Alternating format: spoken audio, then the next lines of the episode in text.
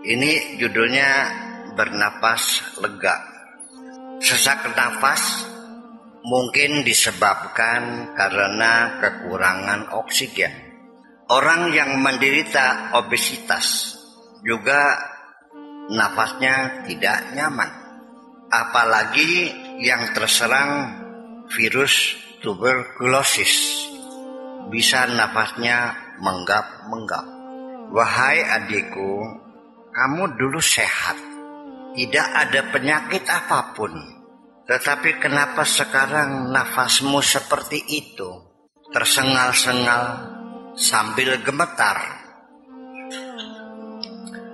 Cobalah sekarang cuci muka dan kedua lenganmu, lalu basahi kepalamu dan cuci kaki yang bersih. Duduk di kursi ini dengan posisi yang nyaman. Pejamkan matamu, tarik nafas yang dalam. Tahan sebentar, lalu lepaskan perlahan-lahan. Kosongkan pikiranmu dari segala urusan dan persoalan. Katakan dari lubuk hatimu yang paling dalam. Wahai Tuhan, aku banyak melanggar aturan. Sekarang aku mohon ampunan. Lakukan hal itu seperti itu berulang-ulang. Tarik napas yang dalam, tahan sebentar, lepaskan perlahan, pejamkan matamu, katakan dari lubuk hati yang paling dalam, meminta ampunan kepada kepada Tuhan. Ketahuilah, wahai adikku, nafasmu yang sesak itu adalah akibat dari dosa-dosa yang kamu lakukan selama ini. Dulu aku mengenalmu sebagai wanita cantik yang berpikir positif. Sehingga aku jadi terheran-heran kok bisa terjadi. Usiamu masih muda, bisa ditolong dan diperbaiki.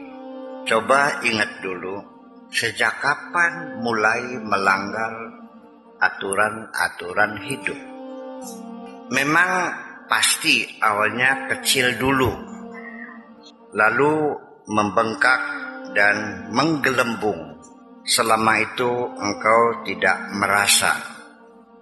Sekarang baru meledak membuat nafasmu sesak.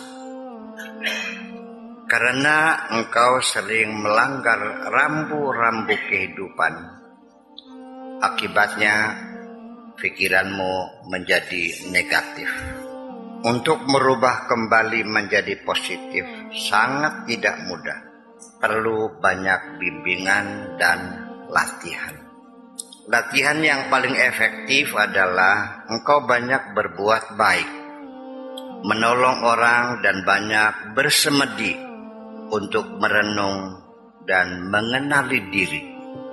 Setiap kejahatan yang engkau lakukan sebenarnya adalah menyakiti dirimu sendiri.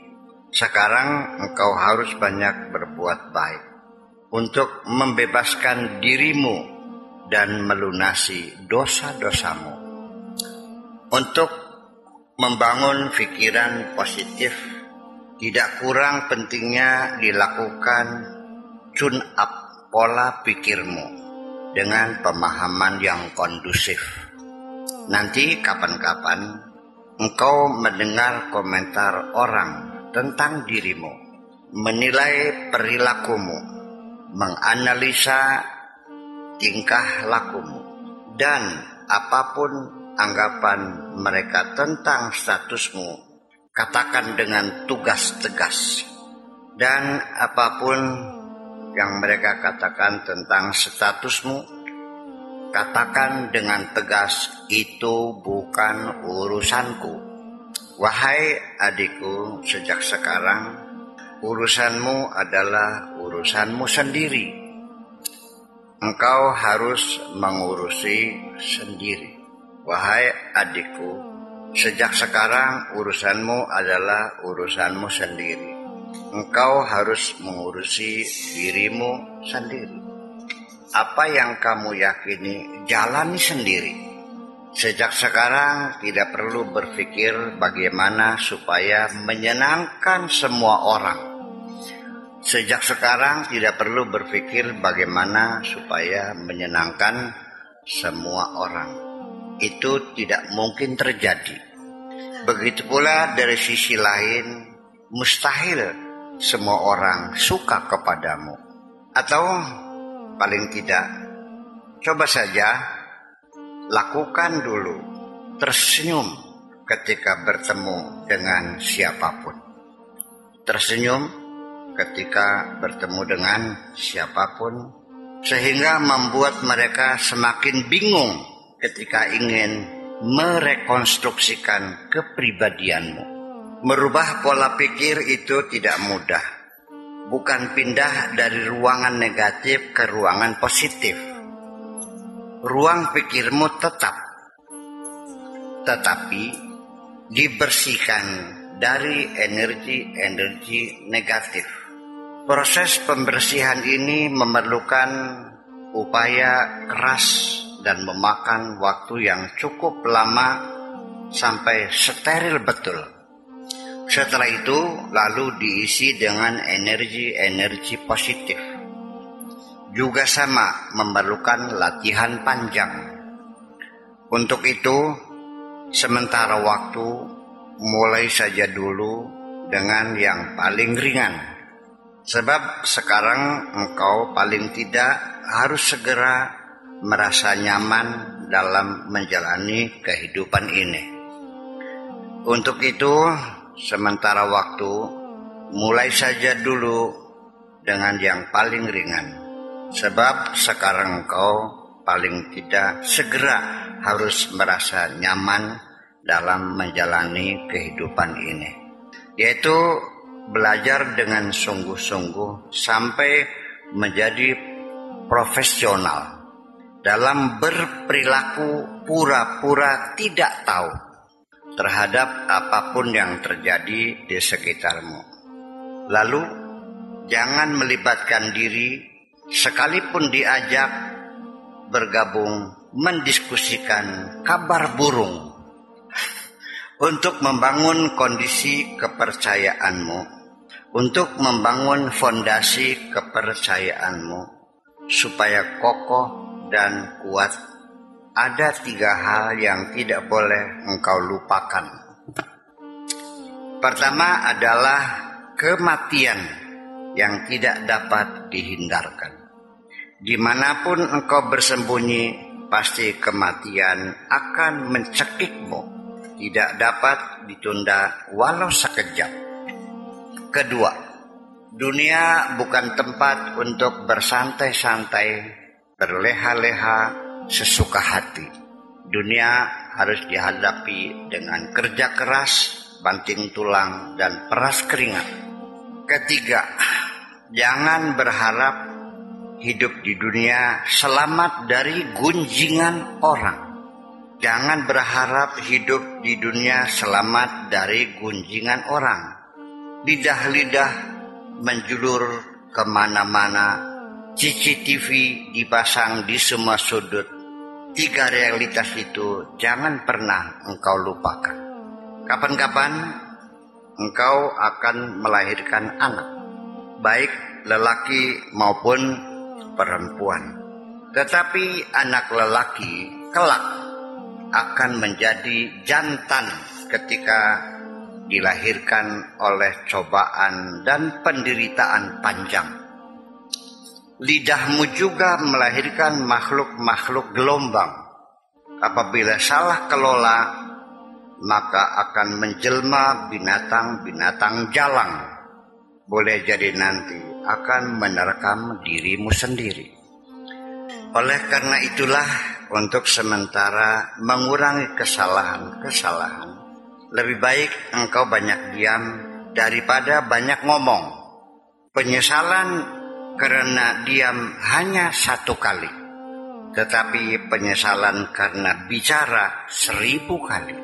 Ketika engkau sudah mengurangi kesalahan dan menghindari berbagai penyesalan, maka akan terbitlah matahari dari sanubarimu tanpa ada rasa sakit dan nyeri. Baru setelah itu engkau masuk dalam kehidupan baru. Dalam kehidupan barumu engkau akan merasakan keindahan dan kenyamanan karena mereka sudah membiarkan engkau sendiri untuk mengurusi dirimu sendiri tanpa campur tangan mereka. Ini kembali dari kepintaranmu berpura-pura tidak mengerti dan berlagak tidak tahu. Dipentaskan secara profesional. Ini kembali dari kepintaranmu berpura-pura tidak mengerti dan berlagak tidak tahu yang dipentaskan secara profesional. Ini yang mampu mengembalikan kepribadian seseorang kepada bentuk alaminya. Walau bagaimanapun tidak dapat dianggap ringan. Memang sementara ini kita sedang diuji oleh Tuhan. Walau bagaimanapun tidak dapat dianggap ringan, memang sementara ini kita sedang diuji oleh Tuhan melalui orang-orang yang ada di sekitar kita yang meyakini dengan keyakinan yang seyakin-yakinnya bahwa Tuhan tidak memberikan hidayah kecuali kepada mereka. Kita sedang diuji oleh Tuhan, yaitu melalui orang-orang yang ada di sekitar kita yang meyakini dengan keyakinan yang seyakin yakinnya bahwa Tuhan tidak memberikan hidayah kecuali kepada mereka. Virus seperti ini menular sangat cepat, tidak terkendali, dan akhirnya memberangus semua harapan dan cita-cita berbagi kebahagiaan dengan sesama. Setelah itu, berpikir positif, nantinya tidak lebih setelah itu berpikir positif nantinya tidak lebih dilihat hanya sebagai barang lelucon. Setelah itu, setelah virus itu memberangus semua harapan dan cita-cita, setelah itu berpikir positif nantinya tidak lebih dilihat hanya sebagai barang lelucon. Karena berpikir positif itu adalah keseimbangan antara salah dan benar, serta memberi peluang yang sama kepada orang lain untuk benar. Berpikir positif itu adalah keseimbangan antara salah dan benar, serta memberi peluang yang sama kepada orang lain untuk benar. Terima kasih.